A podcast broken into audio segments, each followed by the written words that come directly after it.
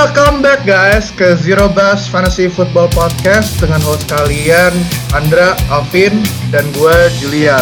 Yo, welcome. Yo, welcome, let's go. Mantap, mantap. Jadi Ini- eh, ini makin makin hype ya.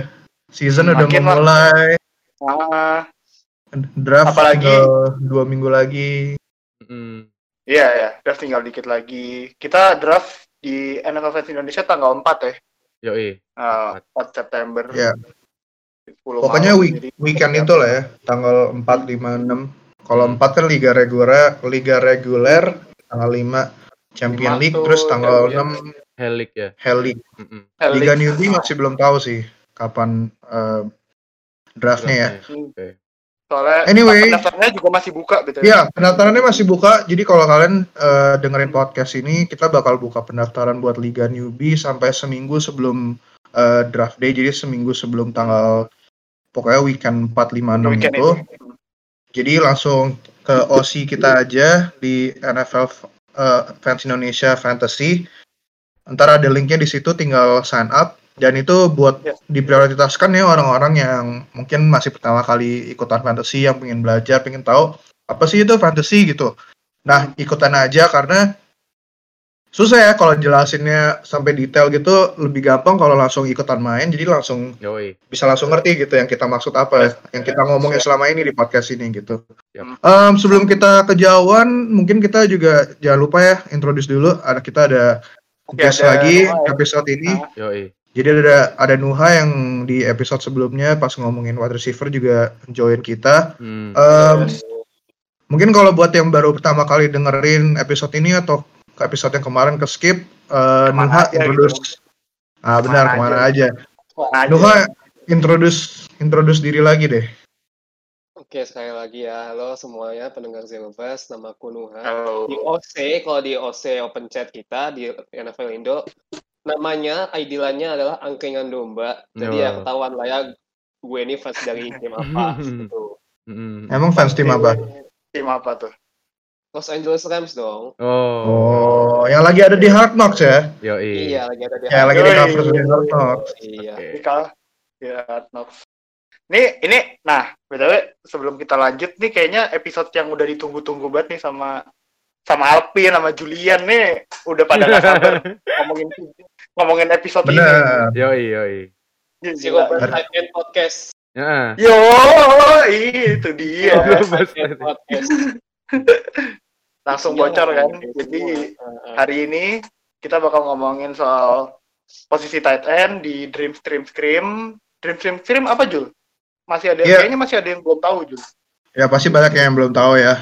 Kalau yang belum tahu, jadi kita di dua episode sebelumnya udah ngomongin dream stream scream kita di posisi running back sama wide receiver. Jadi mungkin kalau yang baru tahu kali dengar bingung kali ya dream stream scream tuh apa sih? Jadi kita bakal kasih rekomendasi eh, masing-masing pemain buat kategori itu dream stream sama scream. Nah dream itu adalah pemain-pemain yang semua orang wajib harus coba punya di tim mereka. Karena pemain-pemain ini tuh yang istilahnya superstar lah. Mereka yang bakal em, skor poin banyak dan ngebawa eh, tim kalian untuk menang dan mungkin masuk playoff dan juga menang jadi champion gitu. Dan mereka ini yang kalau di- langsung di start aja most likely udah nggak perlu dipikirin lagi aduh minggu ini start atau enggak ya? Karena mereka bakal regardless ketemu tim apa bakal perform gitu. Ini biasanya udah floor-nya tinggi, ceilingnya tuh juga tinggi gitu.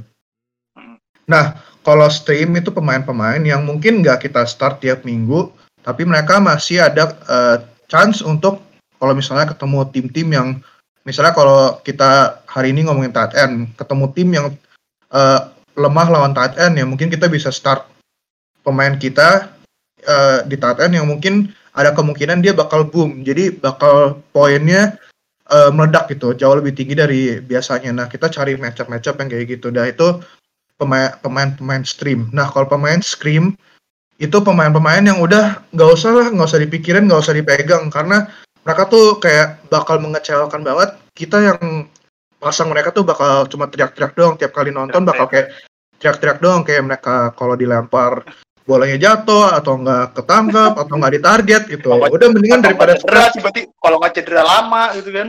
Ah benar. Jadi udah di avoid aja gitu. Nah itu kategori yang kita kasih untuk pemain-pemain yang akan kita rekomend di setiap posisi.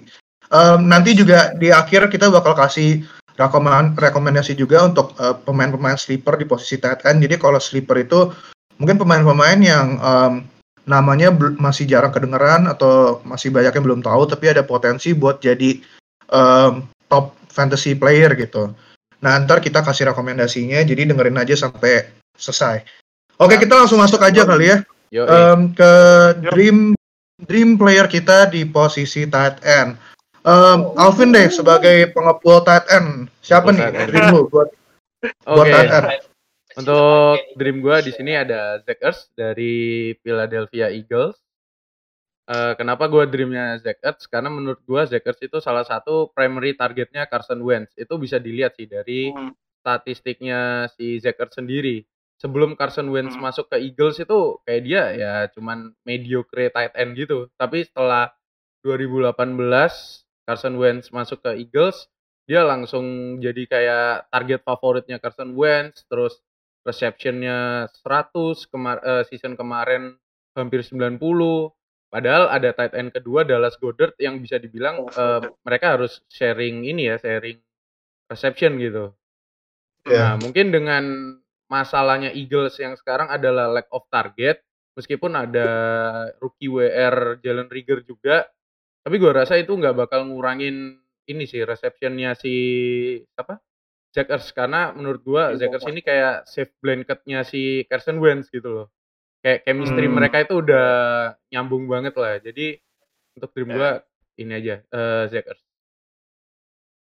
Jackert ya. Hmm. Apalagi si Eagles juga beberapa musim eh beberapa musim musim kemarin tuh nggak punya WR yang bisa ngancem receptionnya si Jackert ya. Iya. Dan kayaknya Hmm. tahun tahun ini juga kayaknya eh, yang baru di draft sih si Jalan Rigger tapi eh, Eagles juga kehilangan beberapa WR juga sih. Iya. Jadi kayaknya kayaknya bakal asik juga ngambil Jackert. Ya meskipun ada Dallas Goddard pun sebagai saingannya jadi tight end, eh, dia season lalu juga masih top eh, player top 3 kalau nggak salah fantasi. Ya, Eh Di top di tab- 5, top 5, sorry di bawahnya Darren Top Waller. Satu Kelsey, dua Ah, iya. Tiga Waller, keempat Tiga eh, Waller. si Ertz gitu. heeh. Ya itu kan berarti Hmm. kelihatan kalau dia tuh top quality tight end lah. Padahal dia harus bersaing dengan tight end yang hampir setara sama dia Dallas Goddard. Benar. Mm-mm.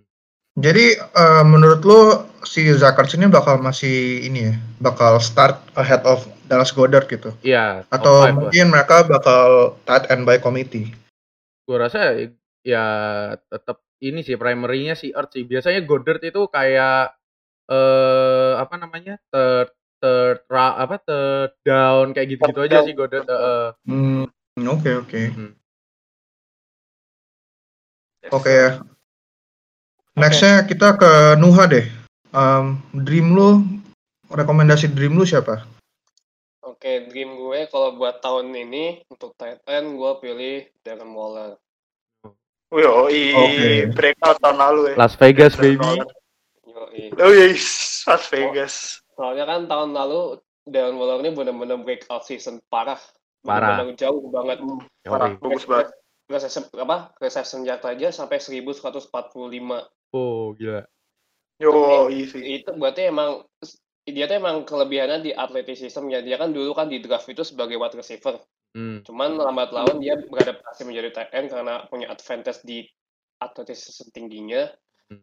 Ya itu makanya gue bisa pengen gue bakal milih dia di tahun depan karena ya faktor season kemarin juga. Cuman gue sedikit ada concern sih tahun ini karena Ra- Raiders kan juga nambah lagi nih senjata-senjata di wide receiver-nya. Iya, bener ada, banget. ada Henry Ruggs, ada Lynn Bowden. Cuman gue rasa Hmm. sih Darren Waller bakal tetap menjadi target dan dia tuh bakal mainnya tuh kalau nggak antara main main di slot atau enggak sebagai ini main di end zone Hmm. Ah, main ya. di end zone sama di end zone. ya main di end zone main di third down conversion sama di end zone sama ya passing-passing yard yang di ujung-ujung itu lah one yard line atau two yard line gue rasa sih bakal diproyeksi mainnya seperti kayak gitu Iya sih. Mm-mm. Jadi dengan segitu banyak penambahan weapon di Raiders harusnya Waller tetap valuable lah ya. Harusnya. At least kalau at least kalau perbandingannya sama sama tight end ya. Mm. Iya, sama. Kayaknya kalau secara volume kayaknya bakal kalau menurut gua sih kayaknya bakal turun cuma buat sebagai valuable TE yang ya stoknya agak nggak terlalu segitu banyak sih TE bagus di NFL. Darren Waller tetap ada di top of the chain. Yoi. tuh itu kalau dari gue Iya sih. Tapi ya Kalau lu gimana, Jun? concernnya itu Ah, aja. gimana tuh? ya dengan penambahannya WR itu bakal Hmm. kayak ngeganggu Darren Waller apa enggak itu kita nggak bakal tahu tapi kan tadi Nuha bilang kayak masih percaya kan sama Darren Waller iya mas tapi kayak tahun lalu tuh cuman mereka punya WR kayak Terrell William terus Hunter Renfro kayak nggak jelas gitu loh wide receivernya si Nah, itu doang. iya si Raiders gitu tapi itu nah doang. dengan ada ini kita nggak tahu juga sih believe in Nuha atau bakal eh, sebaliknya gitu kan ya kan percaya sama saya percaya sama pemain Oh iya. Oh itu karena kalau yang kalau bus yang salah bukan kita, Tapi salah- pemainnya ya, iya betul. pemainnya.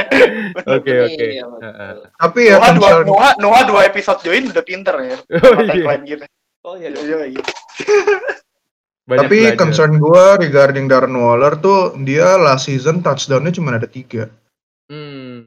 Hmm. Jadi kayak dia tuh banyak poinnya dari reception Hmm, sama yards gitu. Hmm. Jadi Eh, agak concerning sih karena kan di kalau kita tahu Raiders tuh banyak ngedraft wide receiver receiver ba- baru ya berarti juga Ya. targetnya dari Carr tuh tambah banyak gitu. Jadi gue ada concern kalau dia bakal menurun gitu di volumenya dan em, dia red zone targetnya biar bisa score touchdown tuh nggak meningkat. Nah, Jadi takutnya kalau misalnya touchdownnya stay di tiga tapi volumenya turun kan berarti itu bakal banyak eh, drop PPR deh. point yang yang hilang kan. Iya. Iya. Dia dia tuh receiving yardnya em, second among among s- ini ya tight end tahun lalu Hmm. 1146. Tapi ya itu eh, maksudnya concerningnya di situ sih, but we'll see karena juga wide receiver wide receiver yang lain di Raiders juga rookie kan dan kita Iya, kadang-kadang rookie wide receiver tuh eh, agak ini ya hit hit or miss juga gitu. betul. Mm-mm. Bung Orbas aja. Kalau lu siapa Ndra? Kalau gua tight end-nya Ravens yang jadi senjata utamanya Lamar Jackson pas jadi MVP tahun lalu ya Wah. Mark Andrews. Yo, Iya. Gila, sih. gila. Hmm. Mark Andrews ini eh, emerge jadi salah satu TE yang valuable juga di liga Mm-mm. karena satu ya kebangkitan Lamar Jackson terus gimana offense-nya Ravens bisa ngebuka berbagai macam opsi eh, untuk dimainin sama Lamar Jackson dan eh, WR-nya Ravens itu bukan salah satu yang terkuat WR Corps-nya Ravens itu bukan salah satu yang terkuat di liga jadi si Mark Andrews ini emerge jadi salah satu TE yang paling banyak ditarget jadi primary targetnya Lamar Jackson juga. Nah, jadi apalagi di 2020 uh, schedule-nya Ravens itu juga yang paling gampang gitu. Oh iya. Uh, secara secara apa? Secara kekuatan musim lalu ya dihitung dari Hmm. kekuatan musim lalu. Jadi uh, ngambil Mark Andrews ini bisa benar-benar valuable. Schedule-nya oke, terus dia primary target juga dari Lamar Jackson. Lamar Jackson juga mungkin bakal emerge lebih bagus lagi di tahun ketiga dan itu bisa jadi positive impact juga buat Mark Andrews. Ya, gue setuju sih. Mark Gimana? Andrews season lalu eh, satu-satunya tight end yang touchdown-nya double digit sih. Yang Mark lain Andrews Iya. ya? iya, Double digit heeh. touchdown kan ya? Double digit touchdown ya? 10 kalau nggak 10 touchdown dia. Kayaknya dia sebagai tight end itu touchdown yang paling banyak deh. Iya, mm-mm. Paling banyak ya touchdown. Paling banyak, Iya, touchdownnya paling banyak. Cuman dia dia 10 terus eh Bawahnya kayak Travis Kelsey sama George Kittle cuman 5. Iya. banyak. Agak do- agak double ya nomornya. numbernya Iya. 10 sama 5 gitu. Mm-mm. Ya emang dia udah reliable end zone target juga sih buat si Ravens. Good Jadi choice. Upside-nya ada di receiving yards, ada di receiving touchdown juga. Bener. Dan sebenarnya juga kalau di Ravens tuh em, padahal yang di expect bakal jadi starnya gitu di Titan tuh Hayden Hurst yang sekarang ada Hayden di Hurst. Atlanta Falcons tapi Ah, tahun lalu kan mereka banyak pakai tiga tight end gitu kan Ya, tapi bener. ternyata yang well. yang emerge tuh si Mark Andrews gitu Apalagi iya, tiga tight end tapi juga si Nick Well kebanyakan jadi blocker kan. Buat si running Lamar Jackson. iya Itu sih buat. Lu gimana Jul? Dream oke lu? kalau gua dreamnya ini agak curang ya karena emang curang aja. Ya apa? Karena dream tight end tuh susah banget kan karena tight end tier satunya sama ke tier 2 tuh jauh banget. Gue Jauh. kayak mikir-mikir kalau selain yang kalian mention, kalau gue ambil dari yang lain, kayak mereka nggak deserve gitu untuk ditaruh di dream menurut gue. At least belum ya beberapa Ah. pemain. At least belum. Jadi gue pilihnya karena kita eh, sebenarnya kan George Kittle sama Travis Kelsey tuh out of out of touch. Mestinya kita nggak boleh eh, masukin di dream ya. Tapi yang mana si MC sama Mike Thomas ya. Eh Michael Thomas. Nah ya. Michael Thomas bisa di Jadi gue bakal masukin George Kittle. Dan kenapa gue pilih George Kittle over over Travis Kelsey? Um, karena gue tahun lalu tuh personally I had George Kittle ya di roster gue dan uh, dia kan baru tahun lalu kayak breakout gitu kan breakout season Hmm. Hmm. dan menurut gue he's gonna be the next Gronk gitu in terms of kayak fantasy Oh. tight dan menurut gue dia malah bisa em, melewati ceilingnya Gronk pas dia di prime-nya gitu. Karena he's really good at blocking and he's really good at Mhm. catching. Jadi dia bakal always on the field gitu dan dia blocking dia tuh integral banget buat running game-nya 49ers. Tapi dia sebagai receiver pun juga very good ya. Dia bukan cuman separation doang dan catchingnya juga tangannya bagus. Tapi dia juga yards after catch-nya tuh bagus banget gitu. Jadi Oh, um, dia bakal banyak dapat banyak poin dari lari with the ball, running with the ball Hmm. gitu. Jadi dari yardage-nya running gitu. Nah, jadi dia bakal uh, berguna banget di in racking up points dari situ. Walaupun dia touchdown-nya cuma ada lima kali lima ya di season Iya. kemarin, tapi dia juga ada beberapa game yang injury injury kan. Jadi dia nggak Iya. main. Dan ya gitu maksudnya 49ers nggak banyak target eh nggak banyak target karena wide receiver-nya dikit. Palingnya dia compete sama Debo Samuel atau mungkin juga bisa Brandon Ayuk gitu. Tapi dia bakal volumenya bakal banyak juga ke dia gitu karena dia eh, lumayan jadi safety blanketnya si Jimmy Garoppolo kan. Jimmy Garoppolo. Hmm. Ya jadi menurut gua sih dia bakal tetap di top 3 ya sebagai tight end fantasy dan menurut gua sih dia compete buat nomor satu sama Travis Kelsey. Gitu. Bener. Gue nggak banyak komen lagi sih kalau soal Kittle mah. Iya. Udah bener. reliable. Kittle mah reliable sih udah. Coba, coba maksud gua, coba kalau tight end blocking di dikasih fantasy point ya, itu Kittle nambah lagi tuh pasti anjir. Blocking. OJ, OJ Howard nomor satu itu. Jauh. Ah, udah awet Gak usah didebat lagi, bro. Yo. Gak usah didebat. Oke. Lanjut. Oke, kita move on ya ke yang uh, stream. Yap. Uh, gua mulai deh buat yang stream ini. Mhm. Gue pilih Mike Gesicki dari Miami Dolphins. Mhm. Um, Oh, Jadi alright.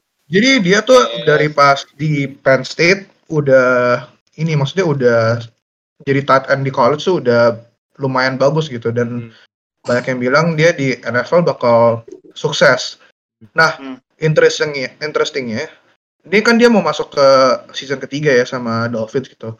Nah, tahun lalu tuh em, pas awal-awal dia nggak terlalu muncul, tapi eh, sejak Preston William yang rookie wide receiver-nya eh, ACL-nya tear, Iya. si Oh. Mike Gesicki ini mulai poinnya mulai banyak gitu Hmm. dan dia end the season as tight end 12 dan yang interesting juga touchdown dia tuh sama jumlahnya sama Travis Kelsey sama uh, George Kittle. Dia Oh. skor 5 touchdown cuman receiving yardnya dikit cuma Oh, 570 gitu.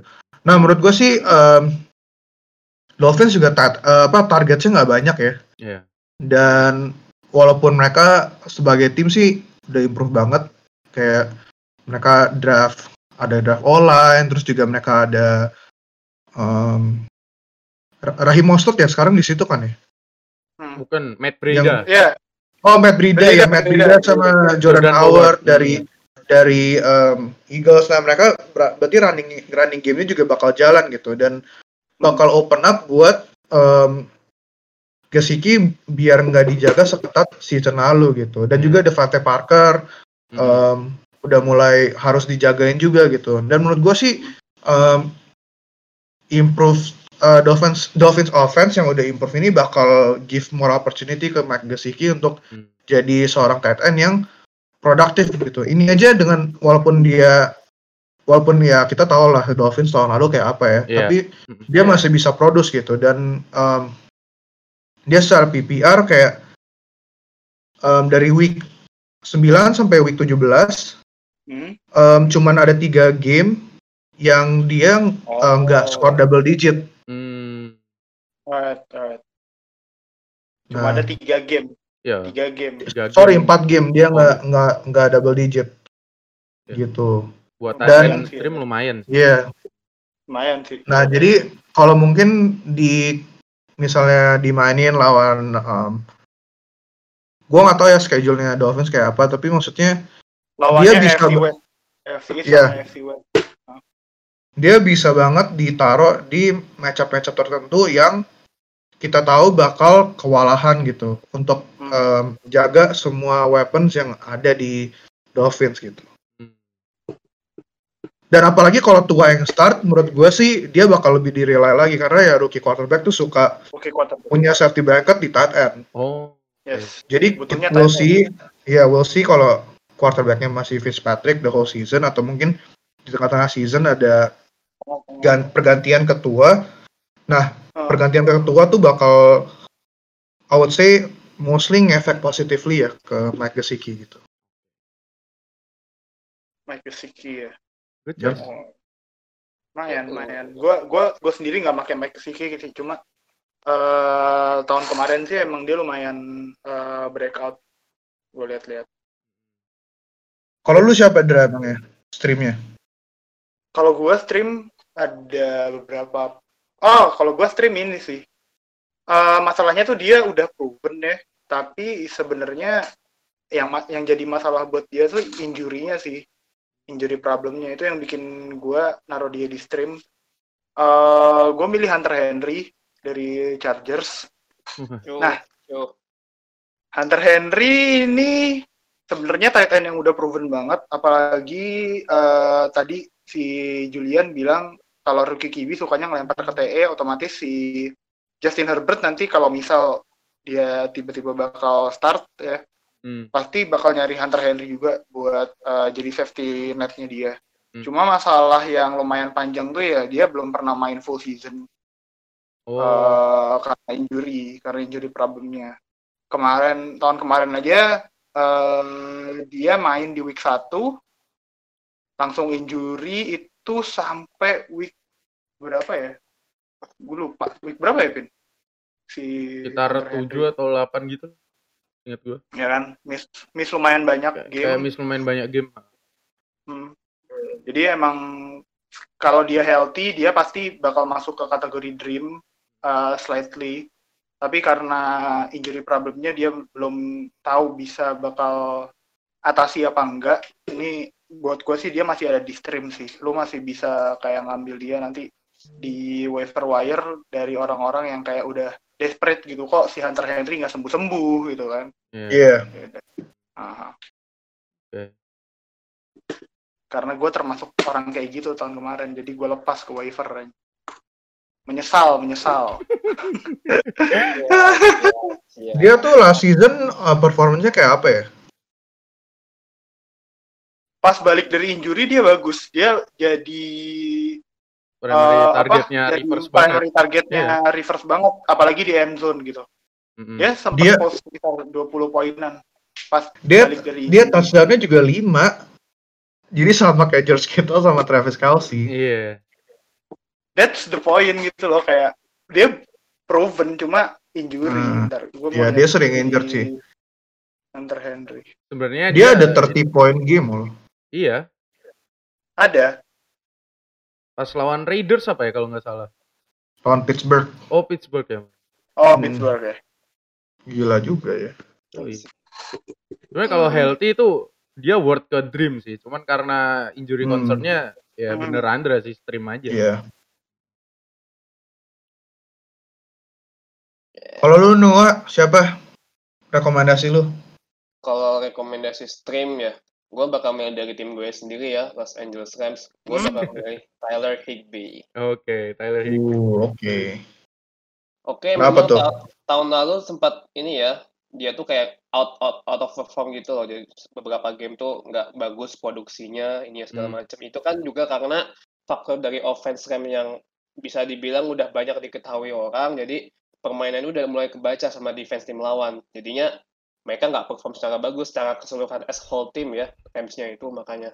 Dan ya mungkin salah satunya karena itu.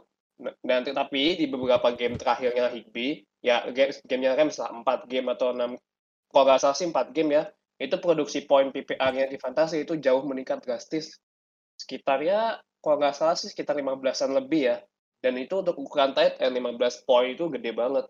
Lumayan. 15 poin PPR itu gede banget ya. Gede, gede, gede. Makanya dan ini tuh kayaknya sih memang udah di resolve juga ya offense-nya Rams itu sama McVay karena udah di resolve itu makanya permainannya Higby secara produksi yang meningkat udah mulai udah mulai ke arah passing play lagi setelah running game yang nggak jalan tahun lalu karena Todd Gurley cedera Todd Gurley cedera. Jadi sih gue bakal milih dia sebagai stream. Tapi dilihat dulu maksudnya dilihat ini tuh dilihat lawan lawannya tuh siapa match up-nya lawan siapa. Karena jadwalnya kan agak tricky ya apalagi di NFC West nih. Banyak harus ketemu dua kali apalagi lawan-lawan defense-nya juga lumayan lah. Ada 49ers, Cardinals sama Seahawks. Yang lumayan lah def- defense-nya tuh lumayan ya buat cukup sulit kan sebenarnya. Jadi ya makanya gue pilih di stream. Oke. gitu. Iya, gue juga last season tuh punya Tyler Higby sih di akhir-akhir season nih. Mm. Kayak gara-gara kayak gara-gara si kayak George Kittle kan dia juga agak ini kan agak akhir akhir-akhir gitu ya cederanya. Mm, mm, bener. Terus juga dia balik belum fully recover kan. Jadi ya gue ambil aja lah Tyler Higby gitu. Buat eh, jaga-jaga ya gambling lah. Karena dia week 13-nya tuh lawan Arizona. Terus kan Arizona eh, season lalu Paling weak. kayak sampah sampah banget kan. Heeh. Ah, urutan 32 gitu lawan end. Iya, Jadi iya. dia week 13 ketemu Arizona, terus week 17 di minggu terakhir playoff liga gua juga Iya. ketemu Arizona. Jadi gua Oh. kayak ya udahlah gua ambil aja gitu. Eh tapi ternyata juga dia lima minggu berturut-turut itu kayak double digit, terus kayak Hmm. dia skor terendah dia 18,6. Oh, Iya di gila. minggu-minggu akhir Iya makanya ini sih kalau dia bisa continue his performance ya mungkin nggak setinggi itu tapi kalau slightly di bawah aja tuh udah bagus banget gitu sebagai streamer tight end dan potentially bisa season depan jadi dream tight end. Iya. Oke. Kalau lu Pin, siapa Pin? Oke, kalau stream tight end gue dari Pittsburgh Steelers, Eric Ebron ini tight end baru ya yang di trade dari Indianapolis Colts. Kenapa Eric Ebron? Karena menurut gue Eric Ebron itu salah satu tight end yang ya decent lah untuk stream gitu. Apalagi kalau kita ingat dua season lalu waktu QB-nya dia masih Andrew Luck itu wah gila sih poin fantasinya dia gila-gilaan touchdown-nya sampai 13 touchdown tapi begitu season lalu Andrew Luck eh, announce kalau dia retire, IB-nya si siapa namanya? Colts, Jacoby. Jacoby Iya. Brissett jadinya kayak langsung menurun banget performanya gitu kan.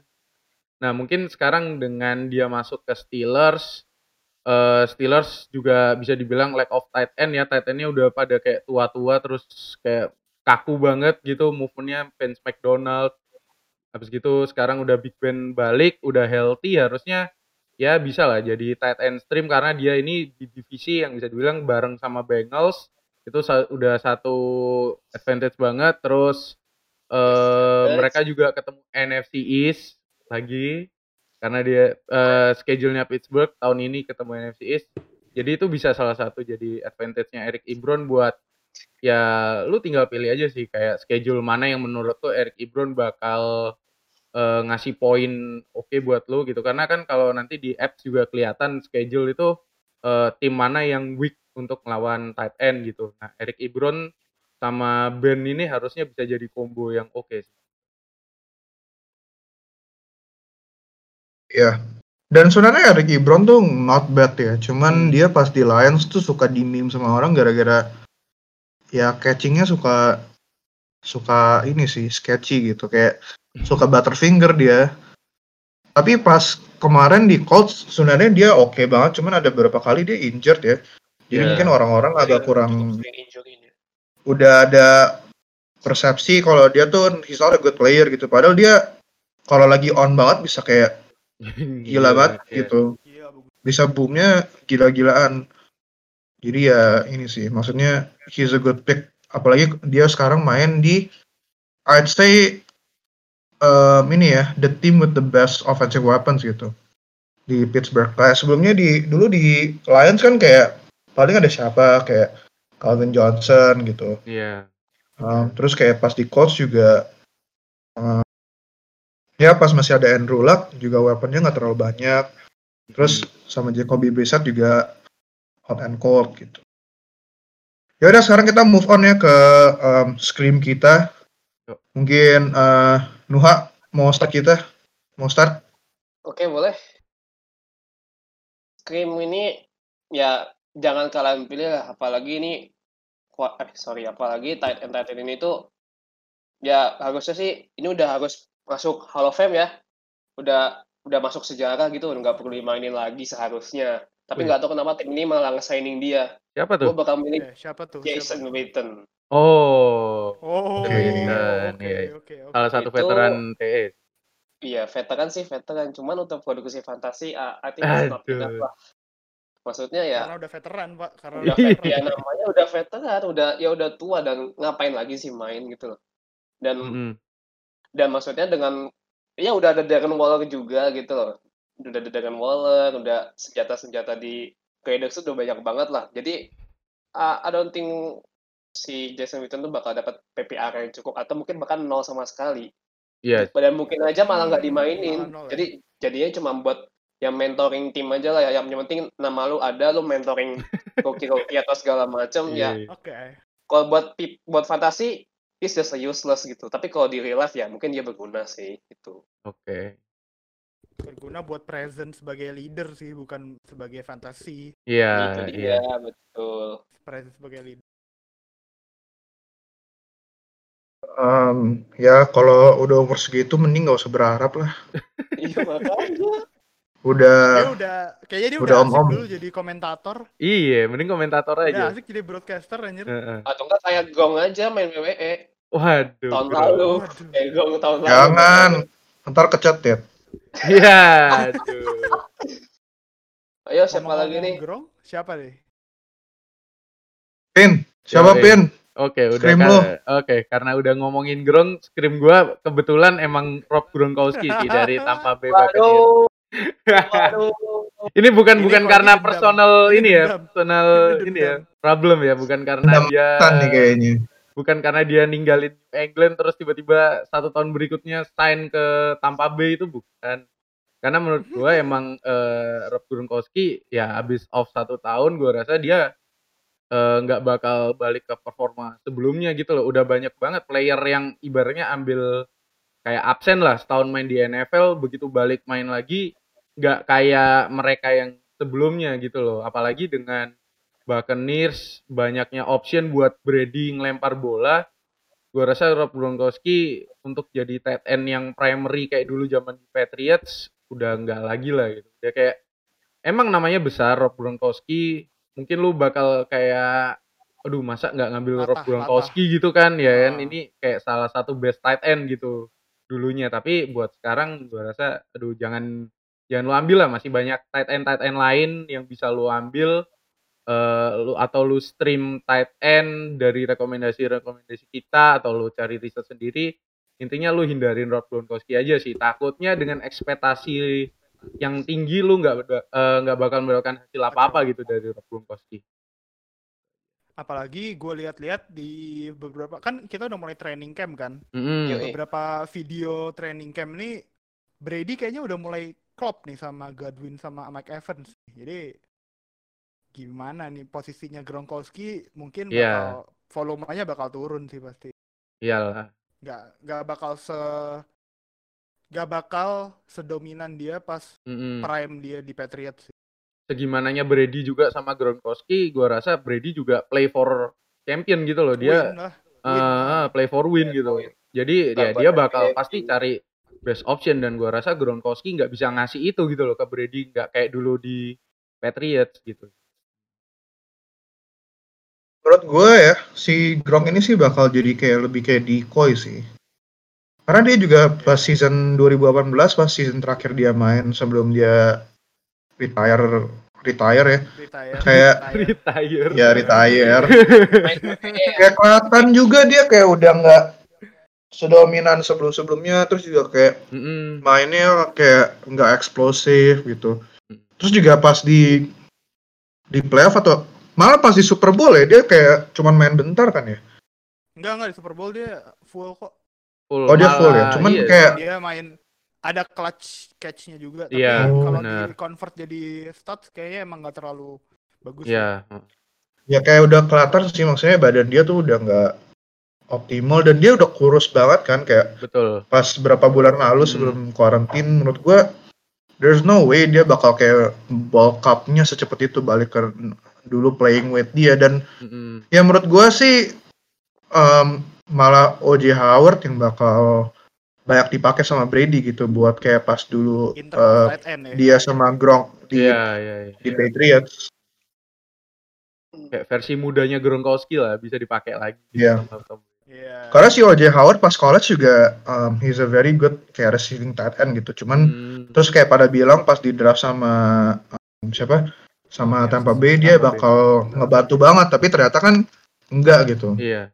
jadi karena emang offense-nya nggak pakai apa nggak pakai tight end Mm-mm. jadi ya akhirnya nggak kepake juga dan dia tuh di draftnya di first round jadi emang terbukti um, talentnya gitu Talent. Hmm. Kalau lu siapa Andra Kalau gua another nama veteran sih. Wih. Tapi sama udah pindah tim juga, udah pindah tim Hmm. juga. Si Greg Olson yang was Carolina Panthers tight end sekarang di eh sekarang di mana sih? Seahawks ya? Seahawks. Iya. Greg Olson Yes. tuh. Si Hawk. Seahawks ya. Hmm. Seahawks. Jadi eh di tahun terakhir beberapa tahun terakhirnya dia dia ken, sama kena injury problem juga. eh dia nggak bisa main full 16 game satu season. Dan di tahun terakhir dia di Panthers kemarin eh produksi dia juga udah menurun banget sih. Either itu karena udah ada CMC atau emang dia udah bukan jadi pilihan. Tapi menurut gue sih emang karena dia emang udah mulai regresi sih Iya. Singkatnya kalau emang eh, dia nggak mulai regresi, mulai menurun, Panthers sih kayaknya bakal mempertahankan dia gitu. Apalagi eh offense Panthers udah rebuild, ada Teddy Bridgewater di QB, ada CMC di running back. Harusnya Greg Olsen bisa dapat tempat gitu di Panthers. Tapi dia sekarang malah pindah ke Seahawks. Dan di Seahawks juga masih ada TE yang lebih muda, lebih eh potensialnya udah lebih menjanjikan juga. Masih ada Will Disley kan Iya. di Seahawks. Jadi kayaknya Will Disley bakal jadi option yang lebih utama gitu daripada Greg Olsen. Kayaknya Greg Olsen bakal jadi presence leadership aja sih di di locker roomnya Seahawks. Iya sih, karena Greg Olsen juga eh, dia punya injury apa back back injury yang sering kambuh gitu loh. Kayak Ya. gua kan juga kayak ngamatin kan tight end itu karena salah satu posisi yang sulit banget dicari di waiver kalau udah kering ya kering banget. Kayak gua ngeliatin statusnya tuh si Greg Olsen kadang ya back injury-nya itu suka kambuh sih. Jadi apalagi dengan sekarang dia dibalik eh ada Will Disley, ada Jacob Hollister, gua rasa ya emang bisa kemungkinan nggak jadi tight end yang cocok buat fantasi lah. Yes. Dan juga selain Will Disley, kalau orang bilang oh Will Disley juga injury prone gitu. Iya. Masih ada Jacob Hollister juga yang Jadi ke Hollister. tahun lalu in in in re- in place of Will Disley juga mainnya bagus kan. Bagus. Dan Yes. kayak dia bisa aja waktu itu kayak clutch gitu. Pas lawan 49ers cuma Pas sayangnya lawan kan 49ers ya. Ah, sayangnya di Pas goal line di stop 49ers. kan. Mm-mm. yes. Dan gue beberapa biasa. kali juga pakai dia gitu kayak Kittle eh di match up lawan Arizona gitu gue pick up dia terus gue start dia Oke. dan juga tetap tetap bagus apalagi lawan Arizona Cardinals kan. Arizona Ya, gitu kan. Arizona. Apalagi lawan Arizona. Jadi kayak em, ya mungkin maksudnya si Greg Olson bakal jadi rotation sama depth aja sih menurut gue ya. Yep. Iya. Em, Ya, kalau tinggal dulu berarti. ya kalau screamnya gue itu s- kalau dulu sih bagus banget ya kalau dapat dia tuh bakal seneng banget. Cuman kalau sekarang udah mending lu nggak usah even mikir untuk draft dia.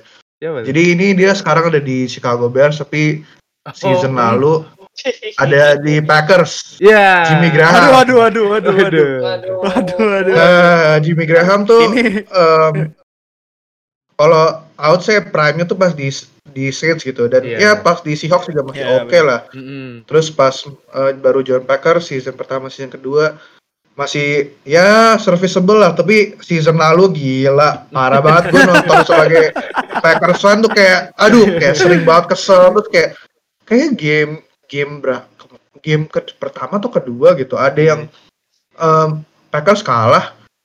Gara-gara dia kayak mau catch tuh kayak nggak niat itu cuman kayak tangannya diangkat gini doang. Dan ya you're not ya lu bukan Odell Beckham lu nggak bakal udah nggak bisa lompat setinggi itu kayak kenapa lu nyoba catch kayak gitu? Jadi aduh kayak kesel banget lah. Terus udah Packers receiving optionnya nggak banyak. Mm.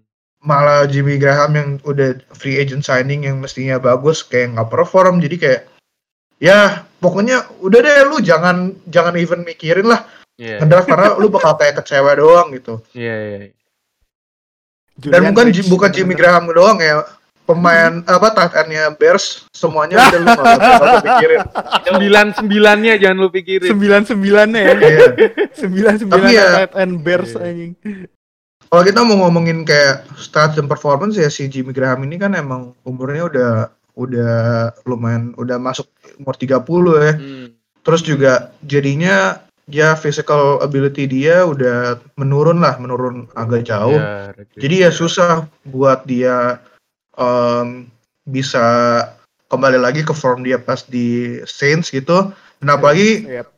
kalau kita asumsinya Mr. Trubisky yang main gitu ya sama Rodgers aja nggak perform apalagi sama sih kan Iya, iya. jadi iya. kayak jadi ya maksudnya kita mesti lihat realita aja gitu jangan jangan kayak oh gila ini nama terkenal kayak Jimmy Graham saya dengar dari dulu tapi ya inilah maksudnya jangan dari nama-nama aja gitu milihnya Hmm. maksudnya kayak dari tadi kan kita ngomong pemain-pemain yang selama ini udah sering diomongin kan terkenal gitu kayak. Rob Gronkowski, Greg Olson, Hmm. J- Jason Witten, Iya. Jimmy Graham.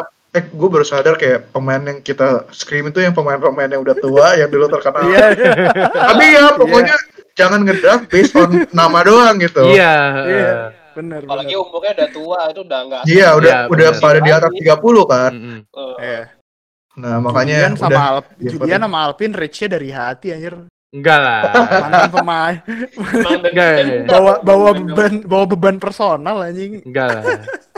Intinya gue big emang dari names hati sih. ini sih big names gak bakal ngasih lu big point gitu aja sih.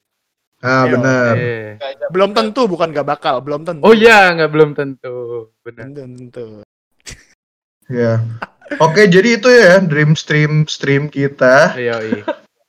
Kalau ngomongin Titan udah paling seru ya. Iya, Iya udah. banyak dari Um, hati omongannya. Iya. Oke, jadi sekarang kita eh, bakal move on ke rekomendasi sleeper kita. Hmm. Em, Nuha deh. Lu start deh. Eh, sleeper lu siapa?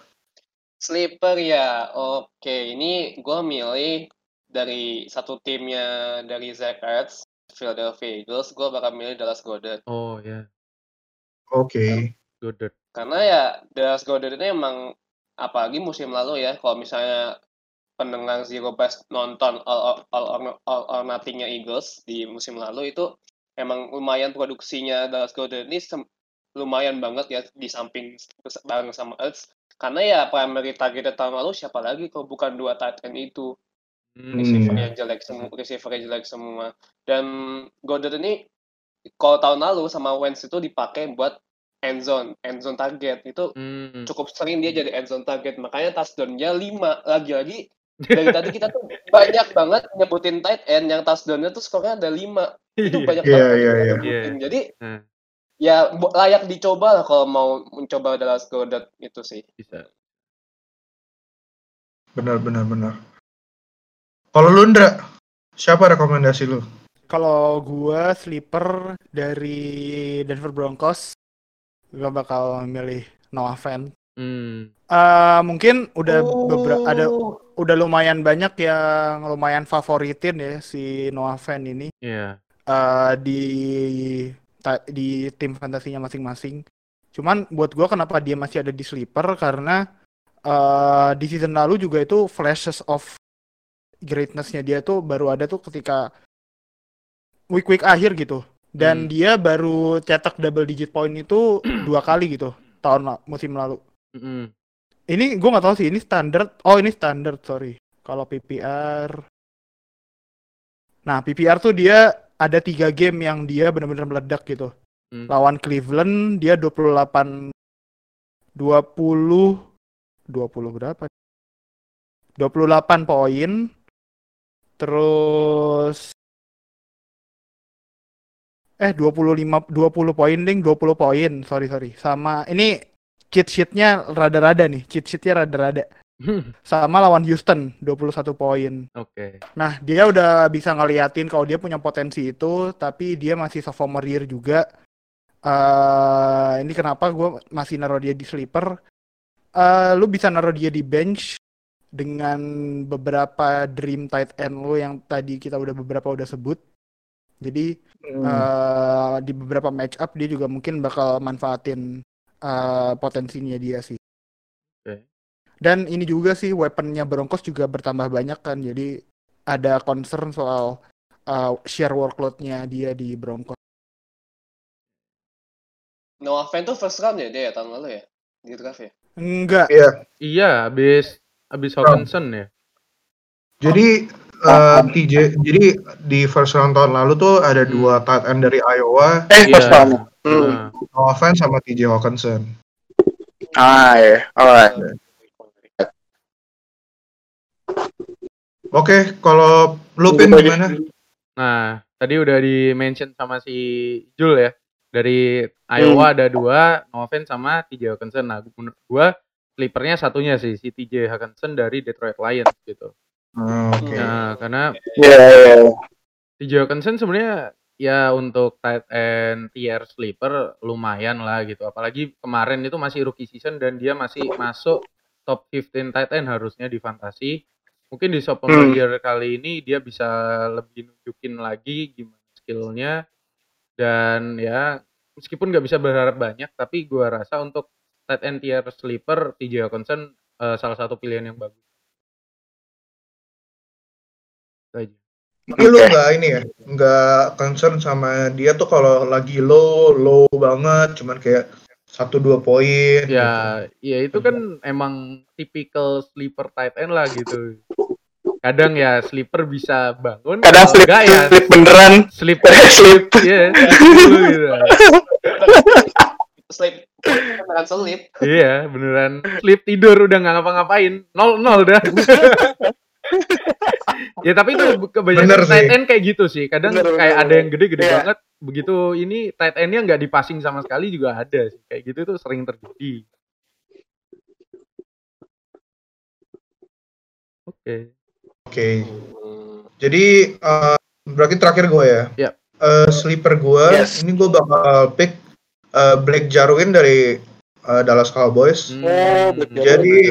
Ya, jadi dia em, selama ini jadi backup ya di di Cowboys, Di gitu. Cowboys. Iya. Yes, yes. Em, dan walaupun mungkin statsnya nggak terlalu shine, tapi dia season lalu em, touchdownnya ada tiga.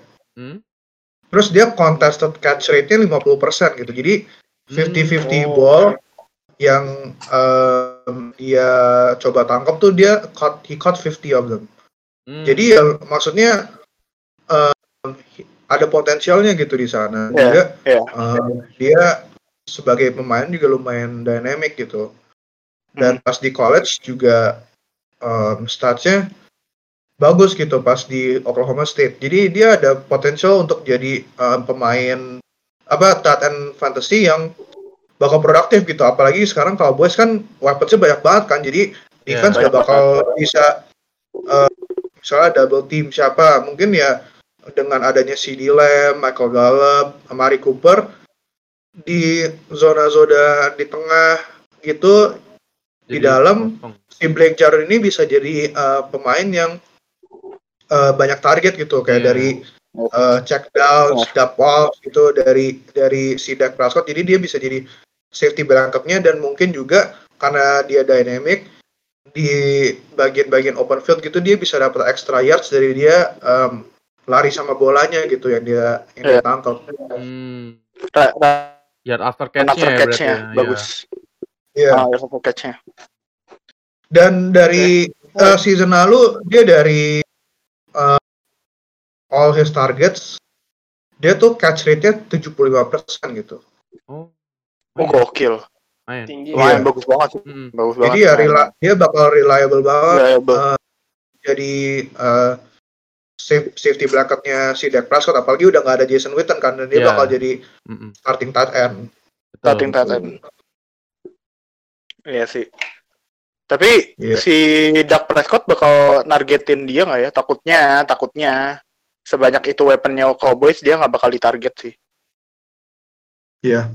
Jadi mungkin ekspektasinya ya untuk Blake Jarwin tuh bukan jadi dream Iya. tapi lebih mungkin kayak eh, ya jadi streamer lah ya. Jadi mungkin di kalau Cowboys saya ketemu tim-tim yang mungkin secondary-nya nggak terlalu jago, jadi mereka masih harus double Siapa? Giants. ya berarti kalau ketemu tim-tim NFC East ya karena bukan Giants doang kayak Philadelphia NFC sama. Washington juga Sama-sama Sama, ya. secondary-nya. Sama. ada siapa ada silis Pantesan, pantesan, pantesan milihnya end Cowboys anjir. Iya. ya jadi jadi sih ini maksudnya kan mereka pasti bakal mesti fokus ke apa-apanya kayak CD Lamb kayak Mari Cooper, Iya. Michael Gallup, terus masih ada Zeke kan. Mm-mm. Ya jadi bakal paling Black Jarwin yang bakal cover dia ya eh, linebacker gitu. Dan Linebacker gua sih, linebacker. dia bakal itu dia bakal mismatch. bisa dia bakal bisa inilah maksudnya eh, match up sama linebacker itu dan kalau kalau sa- bisa 50% 50 50 50 ballnya apalagi lawan linebacker gitu Mm. apalagi lawan linebacker yang NFC East ya Ya. Aduh ya ampun. Aduh. Astaga, NFC East. NFC. Right. Oke.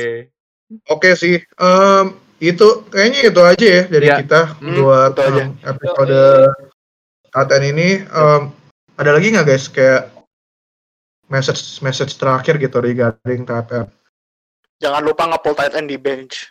Ya, itu. Nah Itu message. Iya. Itu message. Ya karena tight end itu Kalau- kering ya kan bisa jadi trade aset Oh. lu. Jangan lupa juga draft Kittle sama Kelsey di first round sama second round ya. benar itu Berturut-turut. Berturut-turut. Betul-betul. Berturut-turut.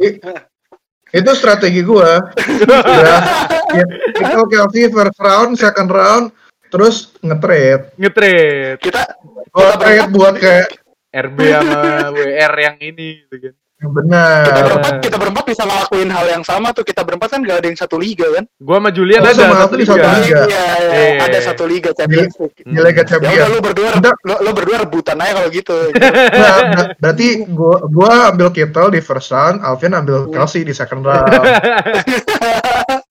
Karena kan Kenapa di second? Kenapa kenapa nggak di first round aja dua-duanya? Iya, Oh, ya pesan bisa aja sih. dua-dua. Bisa, bisa. Hmm. Itu orang langsung itu orang nanti langsung pada panik tuh. Oh, anjir dua orang Panik. udah diambil. Itu itu langsung Iya. mereka langsung ambil TE TE. TE TE semua TE anjir. Draft order rusak udah. Itu message-nya Zero Bus. Yo, Iya. Oke deh, kalau udah nggak ada lagi, Hmm. em, yaudah firstly thank you ya ke Nuha yang udah temenin Ya, kita, Oh, bukan bukan di episode ini doang, tapi di episode sebelumnya udah kasih in- in- insight-nya. yo, Yoi, yoi. Um, Thank you so much for having me once again. yo. Eh, Iya dong. Oh iya. Kan kita selalu bakal uh, undang orang-orang yang jadi sasaran empuk, tapi kita nggak terlalu trash talk keras eh, di episode ini. Sorry. Jadi mau Sekarang gue datang ke sini. Nih, Tuh. lihat apa? Udah siap champion. Jadi gue pernah champion, mark my Iya. Oh, ya masuk Liga Champion, masuk masuk Liga Champion dulu deh baru ngomong. Anjay. Padahal padahal Alpin Alpin padahal Alpin sama Julian masuk Liga Champion juga jalur Zero Bus anjing. Jalur undangan, jalur Iya. undangan. Jalur undangan. Masalahnya kita nggak ada yang seliga sama Nuha sih, nggak bisa trash talk seliga nih anjir. Iya. Eh, Iya. Nggak bisa trash talk seliga sih. Oke. Jangan deh. Kalau gitu oke. Eh, Ya, jangan lupa juga join join open chat fantasy Iya. eh follow sosial media NFL Fans Indonesia ada di bawah. Mm-mm. Semua udah ada ketulisan di bawah. Ada YouTube, subscribe, eh subscribe ke NFL Fans Indonesia, Yoi. follow Twitter NFL Fans Indonesia, follow di Hmm. Twitter sama di Instagram, join open chat. Paling penting itu supaya kalau lu ada pertanyaan soal fantasy langsung bisa Diskusi ya. eh, diskusi lah ya sama Hmm. kita kita juga. Bener. Dan kita bakal di open chat dan pertanyaan-pertanyaan kalian bakal kita coba jawab sebaik mungkin. Mm-mm. Dan kalau rekomendasi kita salah, inget kalau pemainnya Bas jangan salahin kita tapi salahin pemainnya. Yoi. Yoi. Itu Kamu yang rookie. Foto. Gitu nah ya, tapi mungkin kalau orang-orang yang udah experience terus nanya kita mungkin kita bakal agak lebih kejam ya. Kita Iya. bakal jawabnya Iya. cuman hashtag Skill- skillmu skill yang rookie. Iya. Itu official hashtag dari podcast kita. Jadi kalau Iya. kalian ngepost apa-apa tentang fantasy football, Hmm. pasang aja itu. Apalagi kalau lagi ngetek orang lain yang ada di liga lu pada. Yo. Yoi. Oke deh, itu aja dari kita buat episode ini. Uh, see you guys again di episode selanjutnya. Dan jangan lupa kita ada di Spotify dan YouTube. Yo. Oke, see you guys. Thank you. Thank you. Bye.